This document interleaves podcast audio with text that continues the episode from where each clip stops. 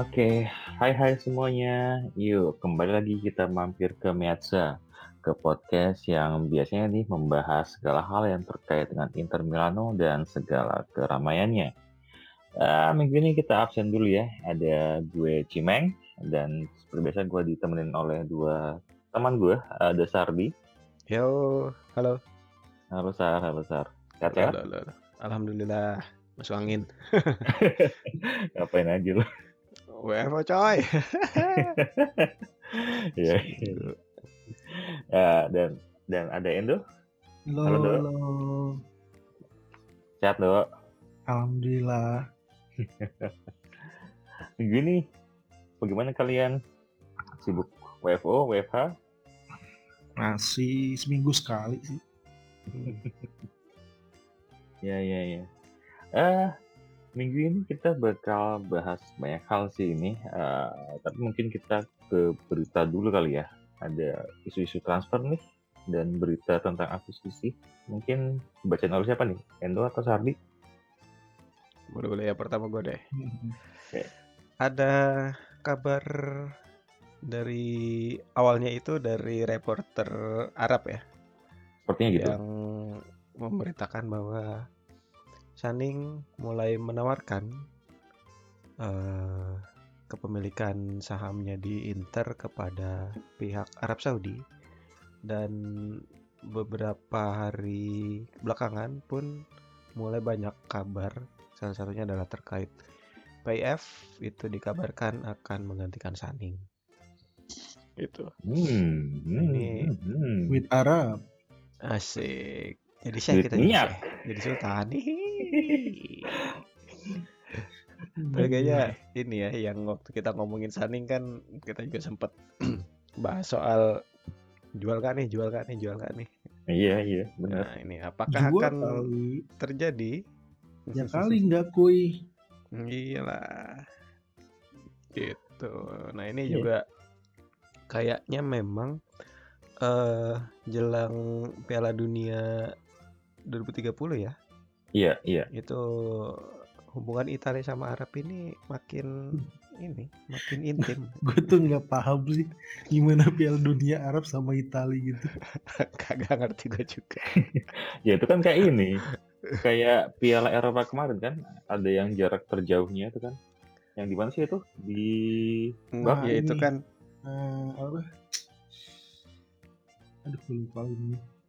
Di Baku. Uh, Baku, Baku Azerbaijan. Hmm Iya, Baku itu kan jauh banget kan, dan uh, kayaknya ada yang pernah ngecek jarak dari Italia ke Saudi itu masih nggak lebih jauh daripada Baku ke London.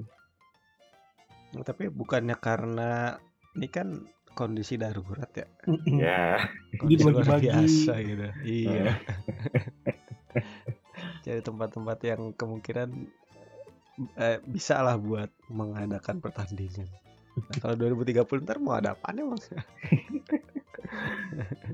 Mau pandemi lagi. Janganlah pandemi lagi kayak gini lagi. Iya. Eh. Makanya ini uh, ya kita lihat aja perkembangannya nanti. Ada hubungan apa nih antara Italia sama kayak Arab nih. ini ya, kayak PSG atau City ya. Amin. Jangan amin. kayak Newcastle ya. eh itu kan PF kan dulu mau ngebit mau ngambil Newcastle. Iya. iya. Nah. Ngambil Newcastle tapi kayak gagal atau nggak jadi. Bagaimana itu? Hmm. Makanya pas yang Inter musim kemarin apa digadang-gadang mau dijual kan dari hmm. Newcastle beralih kan ke Inter sempat oh. dikabarkan beralih oh iya iya kalau iya, nggak iya. salah gitu. nah, dan karena uang uang dari minyak lagi nih iya dari kita akan Opa kembali Murati. iya kembali ke era Morati kita akan menikmati uang dari minyak. Di mana setelah dua periode kita dipegang oleh seorang Tohir ini apa nih? Dia kayaknya lebih ke investment gak sih? Siapa? dia tuh berita. Tohir kan buatnya tuh dia punya media tapi juga dia tuh yeah. invest ke klub-klub gitu kan? Sport yeah. media gitu sih Dobby iya Maka... ya, pokoknya dia dia inilah tukang investasi dan mencari untung dari investasi lah. Mm -hmm. Mm -hmm. Tapi luar biasa visinya Pak Thohir ini. Yes. Cuannya berapa sih? Satu T ya kalau nggak salah dari penjualan Hmm. Inter waktu itu. Kalau nggak salah. Uh. Terus habis dari Pak Thohir lanjut ke usaha retail dari perusahaan Cina yang bernama Suning. Suning. Heeh. Setelah kita menikmati uang retail nih, uang apa nih? Kayaknya uang Uang minyak masih lebih. supermarket uang eh.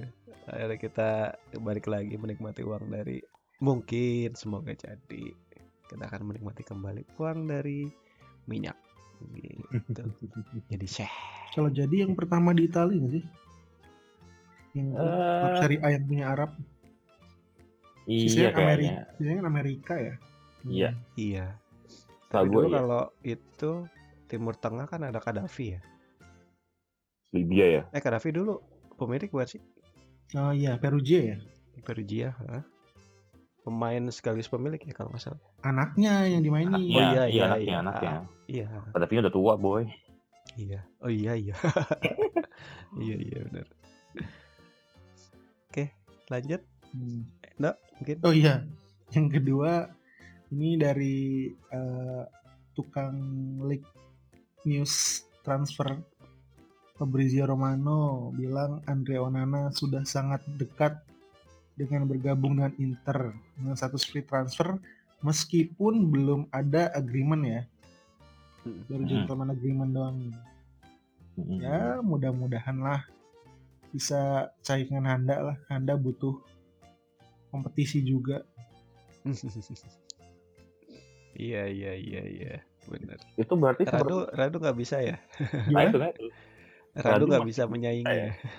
nggak ngerti juga sih gue Eh, ya mungkin kan Onana kan udah lama juga main di reguler ya di Arsenal eh di Arsenal Iya, Ajax. ya ya Ajax. Kenapa Arsenal nggak? tahu nih Lo jangan jangan intelijen tuh udah.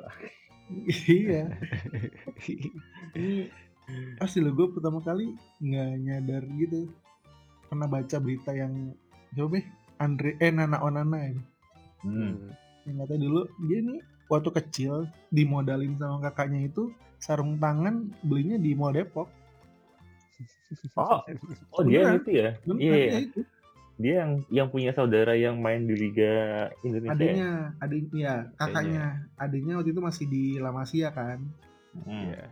udah terus kan ya namanya masih di La Masia belum punya duit banyak kakaknya ya udah punya duit lah gitu Hmm. sering di kalau lagi balik dibawain aksesoris belinya di Mall Depok Hmm. Eh bersejarah itu. Iya. iya ya semua posturnya sih oke sih Yang waktu itu yang pas Delih dan kawan-kawan sampai semifinal ya?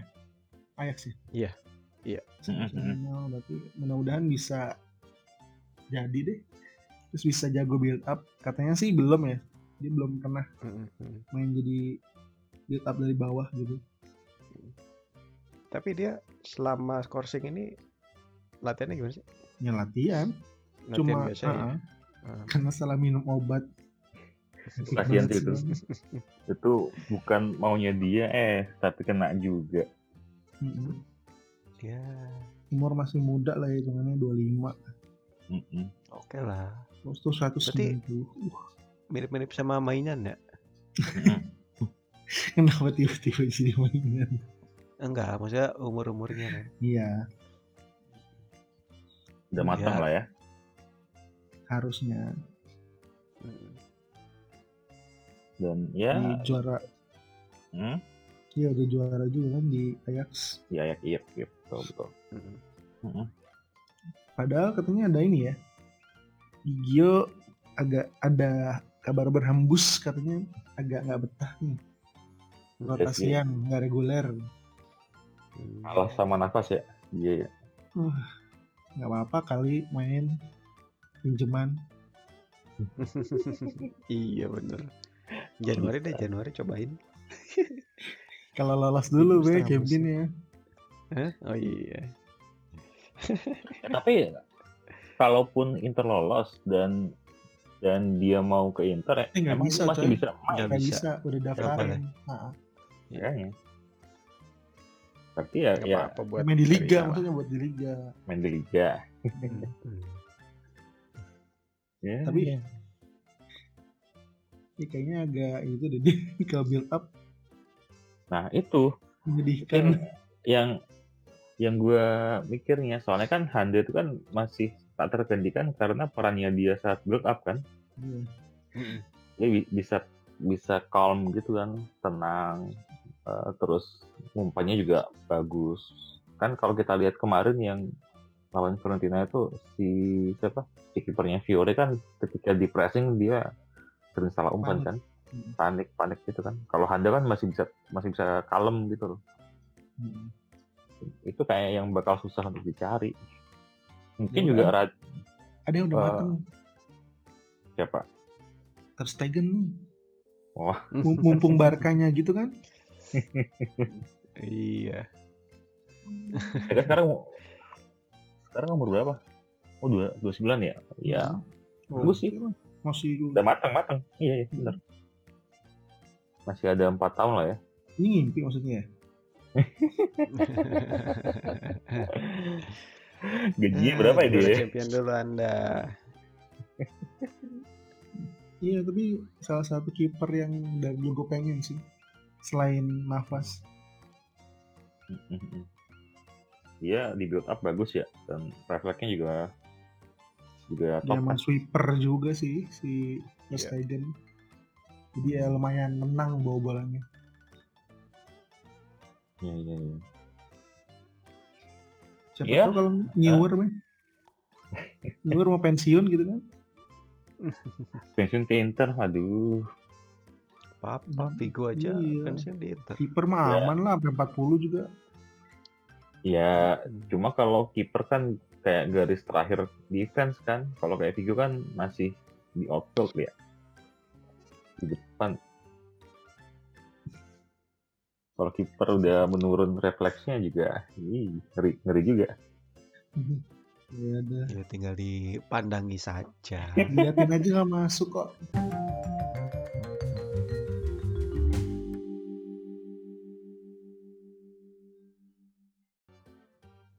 Ya, Oke.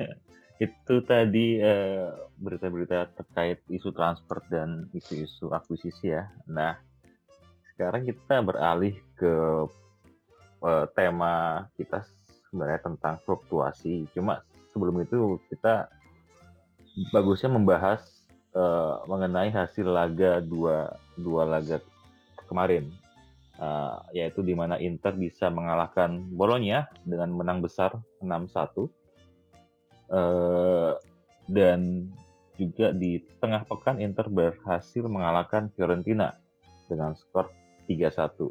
Nah, di dua pertandingan ini yang satu hal yang gue notice sih itu adalah tim eh, tim dan beberapa pemain itu tampil yang tampilnya itu nggak ini sih kayak nggak konsisten gitu loh ngerasa nggak sih Gue yang 61 nggak nonton. oh jadi gue eh eh, gue waktu ngeliat yang bolonya itu ngerasa banget kalau ini timnya itu udah tampil secara dominan superior. Soalnya kan itu dibantu dengan gol cepatnya Lautaro kan? Hmm gol gol Lautaro. Terus setelah itu udah Inter udah mulai menguasai bola. Sampai akhirnya sampai sampai akhir laga eh Inter bisa bisa mencetak banyak gol 6 gol. Itu gede ya. Banyak banget itu golnya. Dan dan di akhir laga kan kita sampai mikir ini Inter apakah habis menang besar kayak 7-0. gini? Iya, ha- habis menang besar kayak gini bakal kayak apa tuh pas, pas lawan Fiorentina yang lagi on Mm. yang lagi bagus mainnya. Dan pas kita lawan Fiore gue ngelihatnya ngeri oi pas ngelawan Fi- Fior- Fiorentina itu di first half itu Fiore itu mainnya ngegas ngejar terus tanpa kenal lelah ngepres sana sini itu benar-benar ke hanya karena Handanovic sih Inter bisa cuma bobol satu gol. Mhm. Membuktikan, Iya. memberi pembuktian. Nah, itu kayak kita melihat dua penampilan yang berbeda sih dari eh, laga di Bolonya dengan laga di babak pertama melawan Fiorentina. Itu kayak melihat dua tim yang yang berbeda. Mhm. Tapi juga kita melihat eh, penampilan yang berbeda dari seorang Handanovic. Ketika lawan Bolonya dia masih agak pasif lah ya, seperti biasa. Ketika banyak orang yang kritik. Tapi ketika dia tampil dia di, di, di laga melawan Fiorentina, dia bisa tampil yang bagus banget loh. Refleksnya bagus. Terus eh dia nggak itulah, dia nggak nggak diem aja gitu. Nah ini yang bikin gue penasaran, ini apakah tim ini masih eh, butuh menemukan konsistensi atau memang fluktuasi ini eh, hal yang akan kita harapkan bakal bakal ada di Inter selama sisa musim. Nah, mungkin dari Sardi mungkin ada ada tanggapan? Hmm. Kalau gue ngelihatnya secara tim dulu deh ya, gue mungkin nggak akan terlalu uh, melihat ke performa pemain. Kenapa? Karena pertama kita baru menginjakan kaki di pekan kelima. Hmm, dan plus satu WCL kan, baru enam pertandingan gitu. hmm, Eh, dengan squad yang memang sebagian besar adalah bawaan dari tim lama gitu walaupun ada yang keluar. Hmm. dan pemain-pemain baru juga cukup banyak gitu.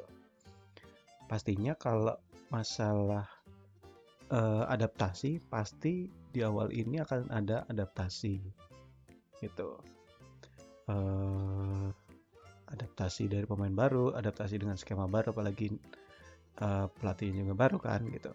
Makanya mungkin masalah konsistensi ini secara tim itu belum akan terlalu terlihat ketika misalnya nanti kita lihat posisi sudah uh, Giornata ke 10 atau ke 15 gitu. Baru kita akan melihat gambaran besar tim ini sebenarnya punya konsistensi atau enggak gitu hmm, hmm.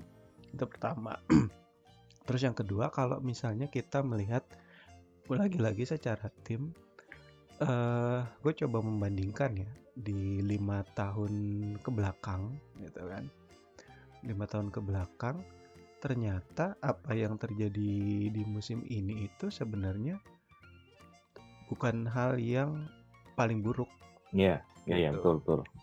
ya kan ah, walaupun memang bukan yang terbaik juga karena kalau misalnya kita mau lihat eh, penampilan Inter terbaik itu adalah di eh, periode pertamanya si Spalletti sama periode pertamanya Conte di mana Inter bisa eh, nggak pernah kalah di enam pertandingan Mhm. awal dan hanya seri jadi total dari 18 poin yang bisa didapatkan Inter bisa meraih hasil 16 poin sementara di musim ini kan eh, Inter berhasil mengumpulkan 13 poin Hmm. gitu dan lagi-lagi dilihat di lima pertandingan eh, enam per- eh, di lima musim terakhir gue lihat memang ada semacam apa ya kayak ketika setelah eh, break international Hmm. break itu Inter eh, akan mengalami penurunan performa Hmm, hmm.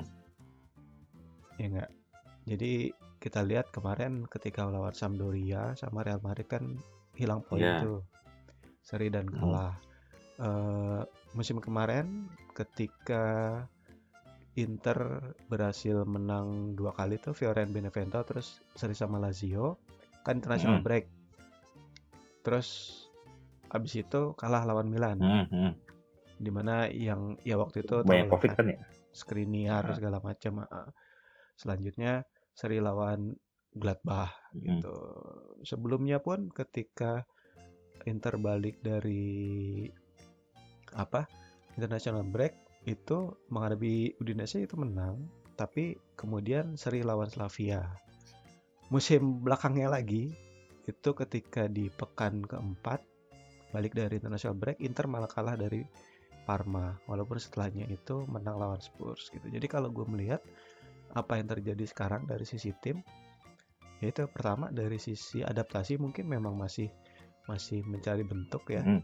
beberapa pemain masih mencari bentuk dan mencari cohesion antar pemain gitu. Terus yang kedua bisa dibilang ada faktor juga international break ini kalau gue lihat sehingga eh, setelah international break performa tim ya terutama beberapa pemain memang itu terpengaruh gitu sehingga ya kita lihat sendiri kan hasilnya adalah Inter kehilangan eh berapa ini tiga po ah, poin, empat poin. ya. Eh, dua dari Sam, dua dari Madrid. Eh, dua dari Sam. Lima, lima, lima malah. Madrid Ini kalah satu, seri satu. iyalah. Anda walaupun harapan memang sebenarnya Inter bisa menang lawan Madrid Iya. gitu ya. Ya kita kesampaikan itu lah. Tapi gue lihat apa yang terjadi ini ya karena dua hal itu gitu.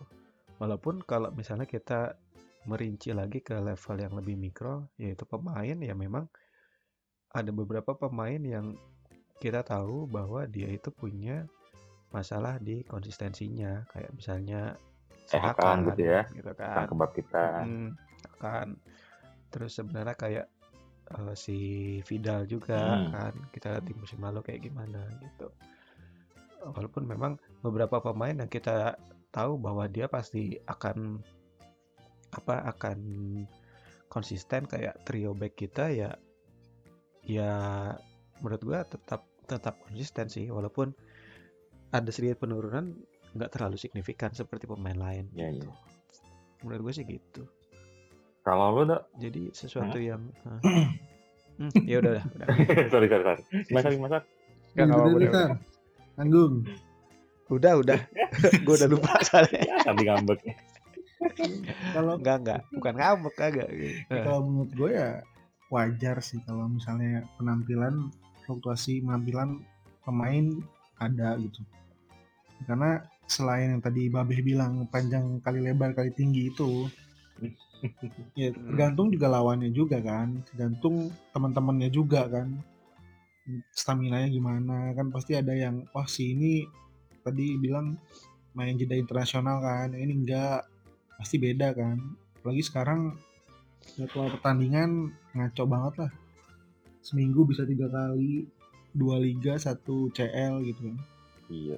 terus ya itu lawan juga ngaruh banget kayak misalnya kan kayak gaya main bolonya sama Fiorentina beda banget kemarin kan Yep. ah, Bolonya Hmm. lebih lebih tur apa lebih nunggu gitu kan. iya kalau yang Fiorentina pressingnya babak pertama gila banget gitu kan Mm, mm, mm. belum tentu kalau ya makanya kemarin kan ada yang was bolonya menang oh Darmian kualitas cadangan gitu kan. Udah saatnya Dumfries sama siapa ya satu lagi? Di ah Perisic udahlah Perisic, saatnya Di di Marco, sekarang karena eh, kemarin pas 6-1 itu tampil bagus kan. Tapi pas Hmm. dilihat di lawan Fiorentina kan kalau menurut gue kalau yang pressing-pressing gitu belum tentu macam yang di Marco atau Dumfries sabar gitu. Kalau si namanya Darmian kan kemarin udah pengalaman ya sama Hmm. Conte kalau disuruh sabar Hmm. sabar tuh tungguin aja di belakang gitu kan. Kalau suruh naik naik gitu. Ya beda-beda lah tergantung kebutuhan tim gitu. Lawannya juga. Tapi itu sesuatu yang wajar sih nggak perlu diituin berlebihan. Jadi kadang kita oh si ini Hmm. jelek nih.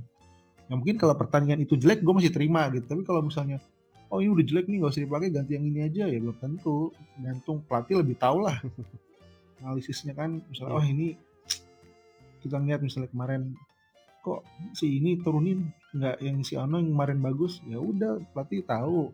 Tapi kalau mungkin akhirnya di pertandingan dia jelek oke gitu. Tapi kalau kita kan kadang istilahnya bahasa gue tuh mentai-taikan gitu ya Mm, itu yang ah, udahlah biar terima aja wajar lu juga kayak kerja kan kadang nggak terlalu nggak selalu oke juga kadang-kadang apa sih gue banget hari ini performnya gitu Iya iya iya. iya. itu sih gua. Iya, iya. Iya sih, ya, karena namanya juga manusia ya. Netizen. Jadi yang kan yang menarik itu kan ke sebelum melawan bolonya kan salah satu pemain yang disorot kan itu si Jeko kan ya. Hmm. Jeko dibi, Hmm. dibilang ngilang, ngilang terus, ngilang terus. Eh, tapi pas lawan bolonya bisa nyetak dua gol yang bagus. Yang gol pertama itu yang gol dari itu ya, dari heading bukan sih? Hmm. Terus yang gol kedua dari dari sudut sempit. Enggak, yang gol pertama bukan yang dami. Oh, yang demi. Iya, iya, iya. Iya, Lautaro. Iya, yang dami. Dua kali dami. Hmm. Mm-mm. yang demi, yang demi. Yang heading yang lawan ini, yang lawan Fiore. Hmm. Nah, yang yang gol kedua kan yang dari sudut sempit kan. Nah, Hmm. Hmm. di situ kan kita bisa melihat eh, Jeko bisa eh, seperti menjawab menjawab kritikan bahwa dia udah udah bukan eh, udah nggak layak jadi starter kan dengan Mm-mm. dengan kayak gitu. Terus juga kita lihat di laga lawan Fiorentina itu eh, Darmian dan Perisic yang dibilang udahlah diganti aja sama Dumfries sama Di Marco. Eh ternyata bikin gol. Uh, Hmm. dan golnya dari main itu adalah gol yang jadi salah satu gol yang merubah arah laga kan. Hmm. Nah yang Hmm. yang gue ini uh, penasaran ketika orang bicara masalah fluktuasi ya bicara soal main jelek itu tuh dilihat dari mana sih? Apakah dilihat dari sepanjang laga? Menurut kalian apakah seharusnya dilihat dari sepanjang laga atau dilihat dari end end resultnya aja? Kayak oh dia bikin gol dia main bagus, oh dia uh, bikin assist dia main bagus, atau dia bisa clean sheet dia dia main bagus gitu? Atau bagaimana?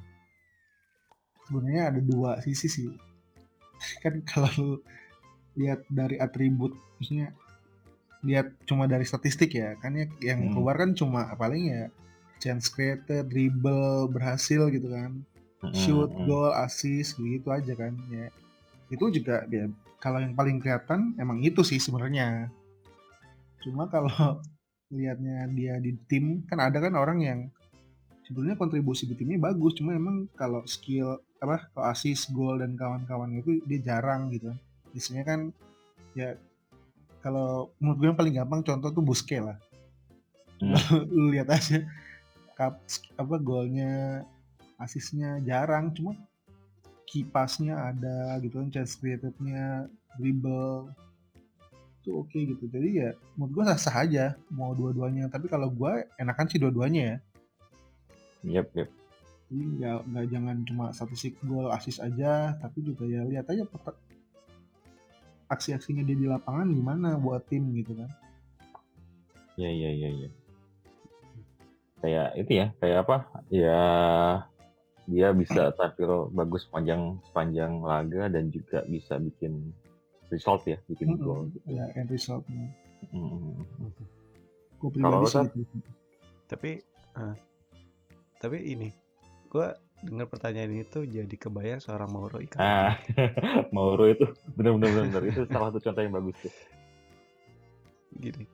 Icardi itu kalau lu lihat setiap pertandingan seolah-olah dia itu Betul. hilang. Ya, ketika misalnya memang nggak ada nggak ada support bola dari Mhm. pemain lain. Kalau misalnya kita lihat statistik pun dia ya sentuhan bolanya sedikit.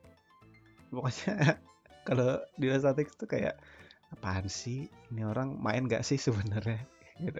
Sering kali kayak gitu kalau di di tiap pertandingannya Inter waktu itu. Tapi dari seorang Moricardi juga dengan sedikitnya peran dia, bukan peran sih kayak apa ya kontribusinya dia di lapangan. Satu golnya dia itu cukup untuk membuat dia tampil Pahlawan. menjadi pahlawan gitu.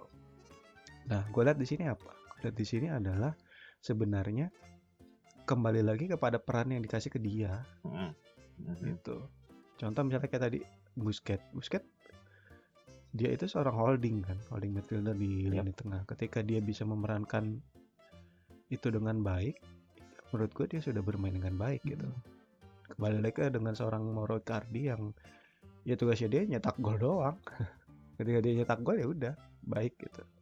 Walaupun mungkin kayak ada beberapa pelatih yang menginginkan dia lebih terlibat dengan permainan kan. Terakhir-terakhir kayaknya kalau nggak salah Spalletti pengen dia lebih terlibat dalam permainan gitu. Tapi ya kembali lagi seorang Mauro Icardi itu ya dia fox in the box gitu. Tugasnya dia itu nyetak gol nyemplungin bola ke dalam Iya, iya, iya, gawang gitu. Jadi ketika dia sudah menyelesaikan tugasnya dengan baik menurut gue ya dia sudah bermain dengan baik gitu nah kembali lagi dengan Inter yang sekarang ya. Ketika misalnya seorang Darmian sudah menjalankan dengan baik perannya dia misalnya berhasil nutup sisi kanan berhasil ngebantu Skriniar bahkan bisa ngebantu penyerangan juga ya. Walaupun mungkin dia melakukan beberapa kesalahan ya mungkin sesuatu yang wajar di dalam sebuah pertandingan kan gitu. jadi ya kalau gue sih ya selama dia menjalankan apa yang diinstruksikan sama pelatihnya dengan eh, apa ya dengan baik ya dia udah bermain bagus kalau menurut Nggak gue. selama timnya menang deh. Selama timnya menang. ya lihat aja kemarin waktu lawan Madrid siapa yang man of the match kan Tapi itu rare loh, jarang loh. Iya, iya. iya Tapi iya gini. ya sebenarnya gini dok sebenarnya gini kalau menurut gue memang ya namanya end Iya. result itu pasti menjadi tolak Paling ukur paling, gampang utama dilihat. gitu makanya tadi gue gua mm, makanya tadi gue ngambil contoh si Icardi ya ya end resultnya kan dia nyetak gol gitu ya walaupun entah itu bikin Inter menang atau hilang apa terhindar dari kekalahan tapi kan end result yang dilihat kan gitu walaupun selama pertandingan dia bisa jadi ngilang selama 90 menit atau 90 Itu menit itu juga yang 95. maksud gue bilang gitu. Jadi misalnya nih ya, Mm-mm. baik lu careless lah beberapa kali ke- direbut terus dilewatin orang, tapi tim lu menang, kayaknya lu nggak bakal komplain juga guys. Itu sama kayak itu ya, Iya, Kayak apa? iya. line yang paling legendaris. Lo bobol dua gol, bikin nyetak tiga gol, menang kan? Hmm. Mm-mm. Tapi less komplain pasti kayak gitu dibandingkan tim lu main bagus terus kalah. Iya, iya. Iya, iya, karena karena kita Mm-mm. melihatnya secara bias, dok. Yang penting menang kan. Hmm, End netizen result. mah emang kayak gitu lah Iya, ya udahlah. Nah, tapi kan kalau misalnya kita dari lihat dari sisi objektif, misalnya kayak ada penilaian-penilaian di Ya, media kan bisa statistik. dilihat tuh. Hmm. Nah, ah, pasti dia ada Hmm. ukuran-ukuran tertentunya dan itu tidak selalu melihat Hmm. dari end resultnya Betul, kan. betul, betul. Gitu. Ya kurang lebih begitu sih kalau menurut gua. Ya, ya sih. Eh, jadi bener ya, apa ya, Mei? Ketika kita melihat apakah seorang seorang player itu bisa bermain baik itu jangan hanya dilihat dari end dari end resultnya lah ya.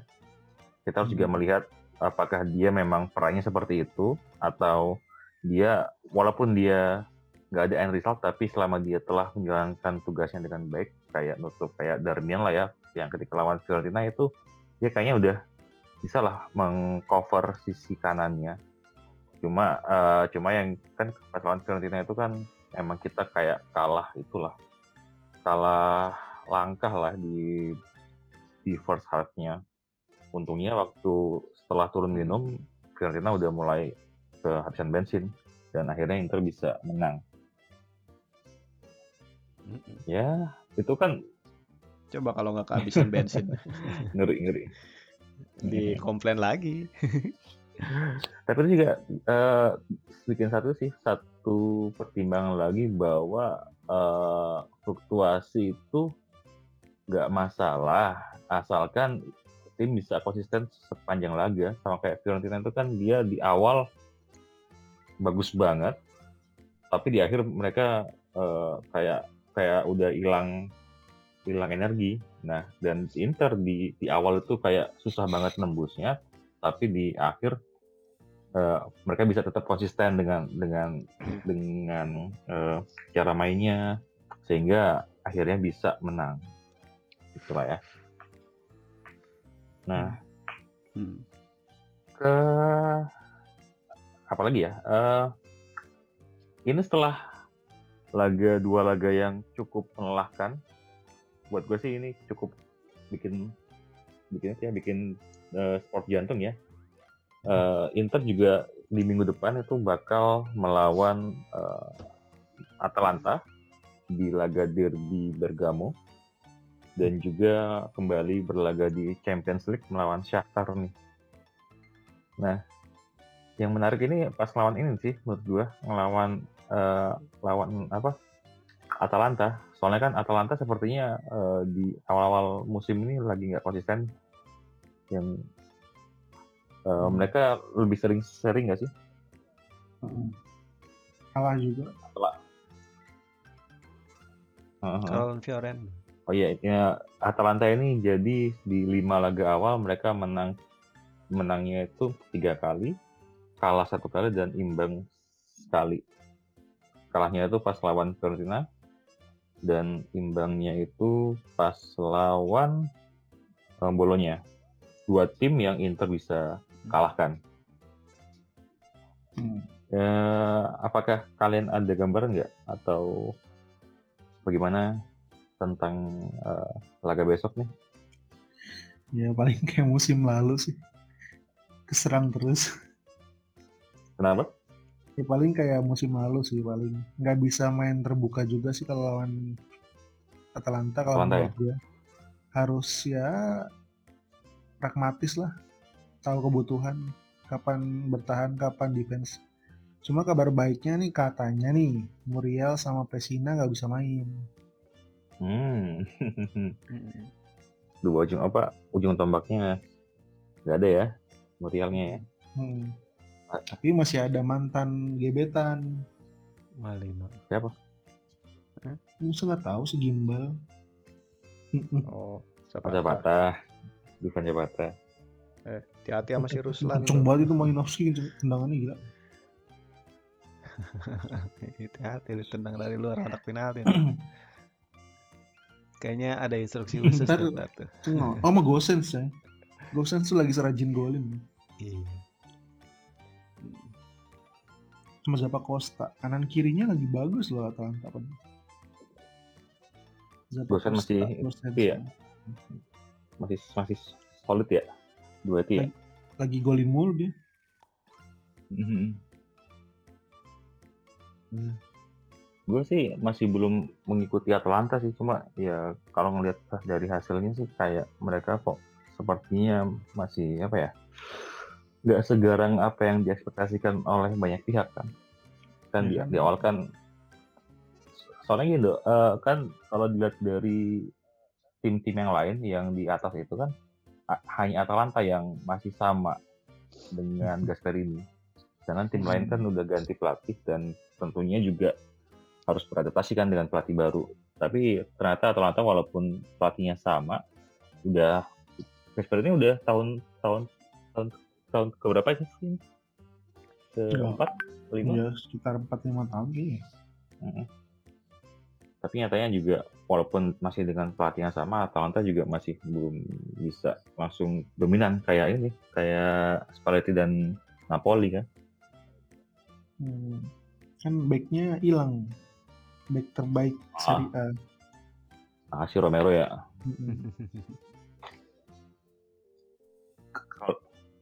Tapi hmm? menurut gue gini sih, Meng. Uh, nggak bisa dibilang Atalanta itu jatuh ya, karena terplesetnya mereka yang paling parah itu kan sebenarnya cuma hmm. di Fiorentina. Aduh penalti semua itu golnya. Gitu. Nah itu juga hmm. kan penalti gitu. Dan secara permainan gue lihat ya memang mungkin nggak segarang musim lalu karena menangnya pun tipis-tipis gitu. Tapi mereka tetap bisa meraih kemenangan gitu. Andaikan ketika kemarin lawan Fiorentina itu mereka nggak kalah, sebenarnya ya belum terkalahkan dan raihan poinnya juga cukup banyak. Iya. Gitu. Ya. Jadi apa ya? Menurut gue tetap tetap berat sih. Apalagi ngelihat permainan. Maksudnya gini, kalau kemarin hmm. Conte itu sangat pragmatis.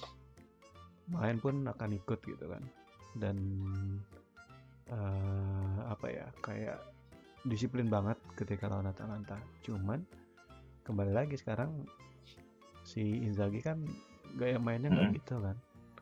Bisa jadi malah nanti inisiatif serangan inisiatif eh, apa megang bola penguasaan mungkin akan coba diambil sama Inter malah karena kalau misalnya sampai ngelepas bahaya Iya, iya sih. Mereka pas counternya juga ngeri ya. Mm-mm. Mm-mm. Itu walaupun kita masih punya senjata berupa Ah, benar, benar, benar. Bola mati ini sekarang jadi eh, secret weaponnya kita lah ya. Senjata andalan. Kayaknya di empat Iya. laga atau lima laga ketika ada bola mati pasti jadi gol. Kan yang pertama enggak nih. Hmm.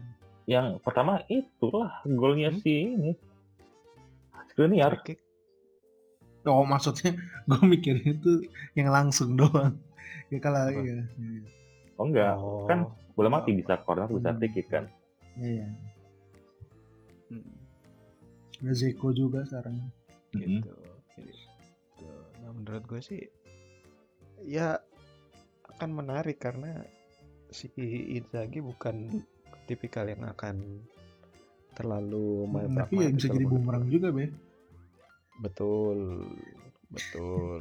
Nah ini masalah nanti kedisiplinan di lini Belakang sih kalau gue. belakang sama nanti kita ngelihat nih gimana si Brozovic apakah nanti dikasih per, apa ruang yang cukup banyak atau kayak kemarin lawan Fiorentina yang dihabisin bener-bener kan Hmm, di marking betul. habis karena kayaknya ngelihat apa yang dilakukan lawan-lawan Inter belakangan ini mereka udah udah pasti akan ngasih perhatian lebih buat Brozovic gitu. Iya, iya, iya. Iya sih, eh eh, benar sih untuk yang aspek Brozovic itu memang Inter sepertinya masih belum menemukan cara untuk keluar dari tekanan ketika Brozovic di marking habis. Seperti yang kita lihat waktu lawan eh, Fiorentina dan juga kita lihat juga sebelumnya pas lawan Sampdoria. Untungnya eh, pas lawan Fiorentina di, di pertengah di habis turun minum Fiorentina udah habis bensin dan akhirnya Brozovic bisa lebih luasa. Tapi emang beneran sih ketika di awal-awal itu ketika Brozovic di marking Inter susah banget untuk eh, untuk mengembangkan gamenya. Nah eh, terus nih eh, habis lawan Atalanta kan Inter akan kembali bertanding di laga Champions League melawan Shakhtar Donetsk eh ini yang menarik lawan dari Shakhtar ini mereka di liga sepertinya belum pernah kalah ya. Kalah sekali. kalah sekali. Oke tapi mereka secara mengejutkan kalah dari Sheriff Young Boys. Dan kalau kita melihat statistiknya possession-nya itu cuma 25% loh si Sheriff loh Efektif banget gitu. banget.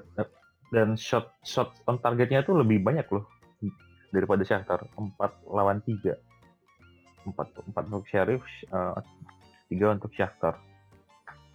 Jadi ada apakah dengan Shakhtar di Champions League ya? Enggak tahu juga nonton. tapi yang gue inget kan eh, pelatihnya Shakhtar si siapa namanya? Aduh lupa gue Ya, Serbi. Serbi. ya ya kan Di waktu dia waktu ngelawan Sassuolo kan Sassuolo juga mainnya ini lah ya mirip-mirip Fiorentina tapi lebih kalem.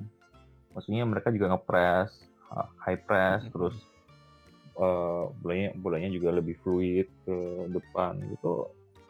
Gua kok merasa ini akan menjadi laga yang berbeda dengan laga lawan Shakhtar di musim lalu ya dan ini Hati-hati lo, Shakhtar dua pertandingan terakhir nyetak Ini 8 berapa? gol, Inter 9. menang 5-0 Inter sama sembilan. 0 Hah?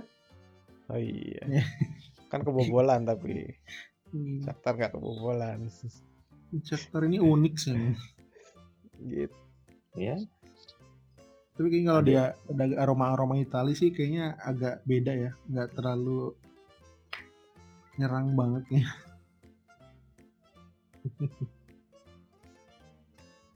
tapi eh ya sih yang yang atau lebih bilang unik sih. Soalnya uh, tim tim dari uh, luar Italia tapi punya pelatih Italia kan dan bukan tipe pelatih yang itu lagi kan, bukan tipe pelatih yang pragmatis kan. Hmm. Uh, dia itu pelatihnya ya uh, tipenya itu yang ya fluid yang yang lebih suka mengambil inisiatif. Mm -mm. Makanya Inter kemarin cuma punya 30 persen. Apa itu? 50 persen ball possession waktu oh, iya. Sassuolo betul. Ya, nah itu terakhir. betul kan? Hmm. Itu ini ya, B ya, mirip sama kayak apa? Laga Shakhtar lawan Sheriff. Uh, Shakhtar iya. punya punya mayoritas ball possession tapi kalah dan juga pas tahun lalu juga in, lawan Inter Sassuolo juga uh, hmm. mirip iya. mirip Shak Shakhtarnya 75 persen, hmm. Sheriff cuma 25 persen. Jadi gitu. ya. ya apakah akan jadi pertandingan yang terbuka dengan lini tengah yang cari aman saling berebut position dua-dua sama kalah enggak juga sih ini itu ya di di kandangnya Shakhtar ya. Hmm. Oh. tahun ini berat di karena penonton juga udah ada kan. Hmm. Efek penonton udah mulai berperan lagi ya. Setelah hmm. musim lalu nggak ada penonton kan udah kayak itu aja, udah kayak apa laga friendly aja kan. Hmm. Jadi di dua laga ini optimis menang atau imbang aja udah syukur? Atalanta menang sih. Kalau. Shakhtar berharap menang. eh. Seri aja lah seri, seri aja lah. Menang lah kan lo kemarin Ana, katanya optimis lo enggak eh? benar kan tuh kayak 2000 berapa? Kayak 2010 itu lah. Awal-awal kan hampir nggak lolos kan.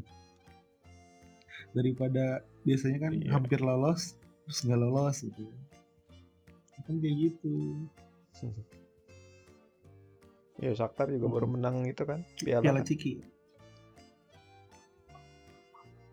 Oh yang apa? Super Cup ya? Ciki. lawan Kiev. Super Itali kapan deh? Biasanya kan bulan ini kan? Bulan biasanya kan bulan Desember gak sih? Sebelum Liga kan biasanya? Iya kali di Cina, mau di mana? Di Arab lagi. Di depan kantornya Sani. Di Cina. Sini. Bakal ada. Nah, nontonnya dari atas gedung itu tuh. Ya udah oke okay. uh, eh, mungkin itu aja untuk episode kali ini. Uh, kita akan menyaksikan Inter berlaga ketika uh, ingin tayang Inter akan berlaga sekitar beberapa jam lagi dan kita harapkan Inter bisa meraih hasil yang bagus di dua laga. Uh, tayangnya harusnya di ini sih. Iya. Video, video masih tayang ya. Antara video sampai ini. Iya iya iya. Yang di Twitter di, ada lah. Di itu enggak. Kita lewat ini lewat eh jangan dong kita harus mempromosikan kalau di ini be kalau di Twitter lewat live tweet be. Live tweet balik. Live tweet. Oh, mending pandangin aja live score. Dasar fans live score anda ya. Ya uh, jangan lupa kita punya akun media sosial. Ada dua nih di Twitter ada di @kemiatsa dan di Instagram ada di mampir ke ya